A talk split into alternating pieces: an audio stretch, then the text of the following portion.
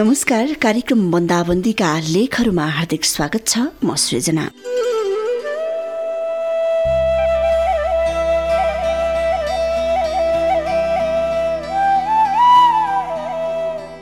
दिनदिनै सोचेभन्दा बढी कोरोनाका संक्रमितहरू थपिँदै गएका छन्।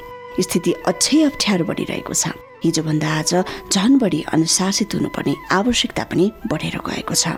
सधैँभरि कार्यक्रममा भन्ने गरेको छु सुरक्षित रहनुहोस् भनेर। आज फेरि भन्छु सुरक्षित रहनुहोस् घरभित्रै रहनुहोस्। अनावश्यक घरबाट बाहिर ननिस्किदिनुहोस् निस्कने परे पनि मास्कको प्रयोग गर्न नभुल्नुहोस्।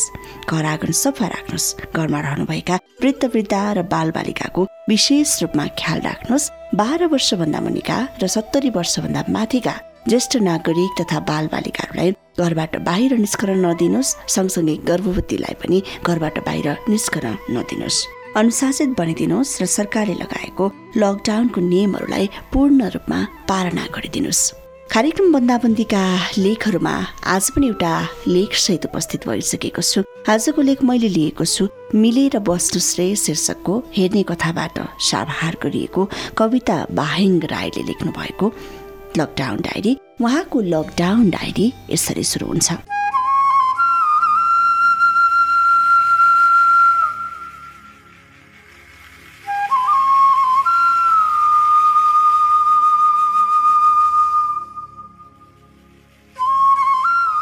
लकडाउन सुन्दा पनि मनै चिसो भएर आउँछ मलाई। तर विडम्बना आज लगभग डेढ महिना बढी भइसक्यो लकडाउनमा लक्ड भएको। देशले लकडाउन सुरु गर्नुभन्दा दुई दिन अघि नै घरैबाट अफिसको काम गर्न सुरु गरेका थियौँ।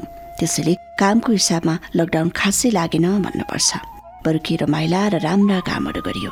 हुन त दिनभरि काम नै हुन्छ र मन भुल्छ तर म भने अलि अस्थिर स्वभावको एकै ठाउँमा धेरै समय बाँधिएर बस्न नसक्ने।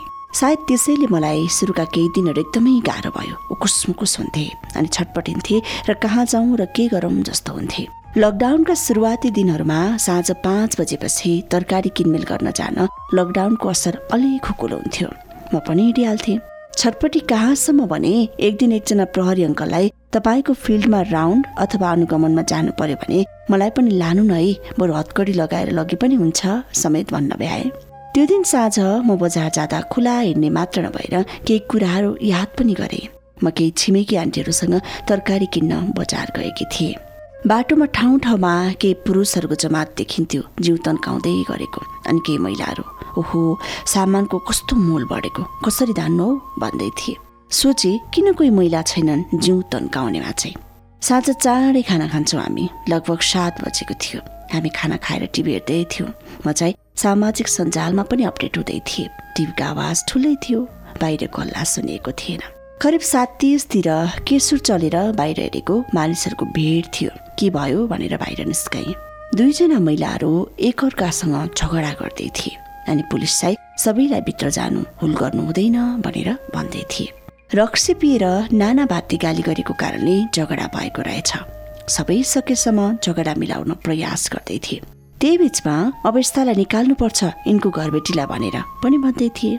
थपौनीमा कसैले भन्यो यस्ता बाँच्ने पोथीहरूलाई राख्नु हुँदैन मैले यस्ता शब्द कहिल्यै पनि कुनै पुरुषको गल्तीमा आएको सुनेको थिइनँ।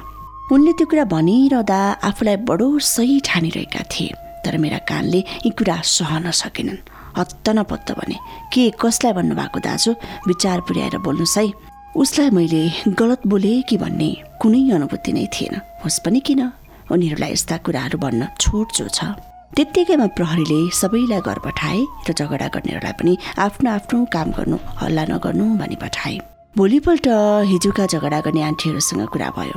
एकजनाको रिस उत्रेको थिएन तर अर्को आन्टी पनि डराउनु भएको थियो। अब घरबेटीले कोठा सरेर जाऊ भन्यो भने यो सानो छोरी बोकेर कहाँ जानु यस्तो अवस्थामा? त्यही साँझ कामको सिलसिलामा चिनैको एकजना दिदी पनि भन्दै थिइन् श्रीमानले रक्सी खाएर मलाई र छोराहरूलाई कुटपिट गरे। मेरो निधार र हातमा ठुलो चोट लागेको छ। आँखामा रगत जमेको छ। झगडा साम्य पार्न प्रहरी बोलाइएको रहेछ। तर प्रहरी हामीले लकडाउनको बेलामा केही गर्न मिल्दैन। तपाईँहरू मिलेर बस्नुहोस् भनेर गएछन्। उनी र छोराहरू अब के गर्ने भनेर डर र तनावमा छन्।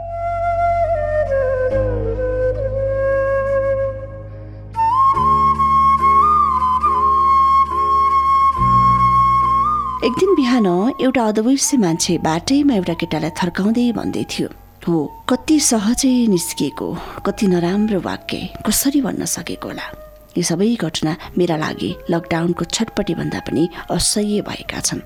मलाई पक्का छ यी मात्र प्रतिनिधि घटना हुन्। गाली गलोज डर धम्की बलात्कार यौन दुर्व्यवहार जस्ता घटना त कति हो कति हिसाब गरेर साध्य छैन। एकातिर कोरोना संक्रमित व्यक्तिहरू विदेशबाट फर्केका निश्चित धर्म पेसा र समुदायहरूका मानिसहरूप्रति सामाजिक सञ्जाल घर समाजमा अपहेलना ज्यान मार्ने बलात्कारका धम्कीहरू आएको आएका छन्। अर्कोतिर आर्थिक तथा भौतिक अभाव यसले निम्ति आउने मानसिक तनाव सामाजिक अपहेलना अनिश्चितता आदिले गर्दा यस्ता घटनाले प्रश्रय पाएको देखिन्छ। आखिर लकडाउन नै कहाँ हो र समस्याको जड? जबसम्म समाजमा व्याप्त पितृ शतात्मक सोचले ग्रसित मानसिकता वाहवाई हुन्छ जबसम्म आडम्बरी पुरुषार्थले भरिएको सामाजिक संरचना र महिला दोषी आचरणले यस्ता कार्यलाई ढाडस प्रदान गरिरहन्छ। समस्या यथावत रहनेछ।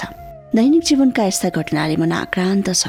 भरे प्रशासन पनि हामीले यो लकडाउनको बेला केही गर्न मिल्दैन भन्दै लाचारे देखाउँछ। हिंसाका घटना विरुद्ध विभिन्न हेल्पलाइन आकस्मिक सेवाहरू पनि छन् तर उनीहरूले दिने सुविधा पनि अहिले सीमित छ। पीडितहरू झन झन चपेटामा परेका छन्। असीमित केवल अपराध छ र भइरहनेछ सायद। यो श्रृङ्खला अनन्त छ। यस्तै छ हजुर लकडाउन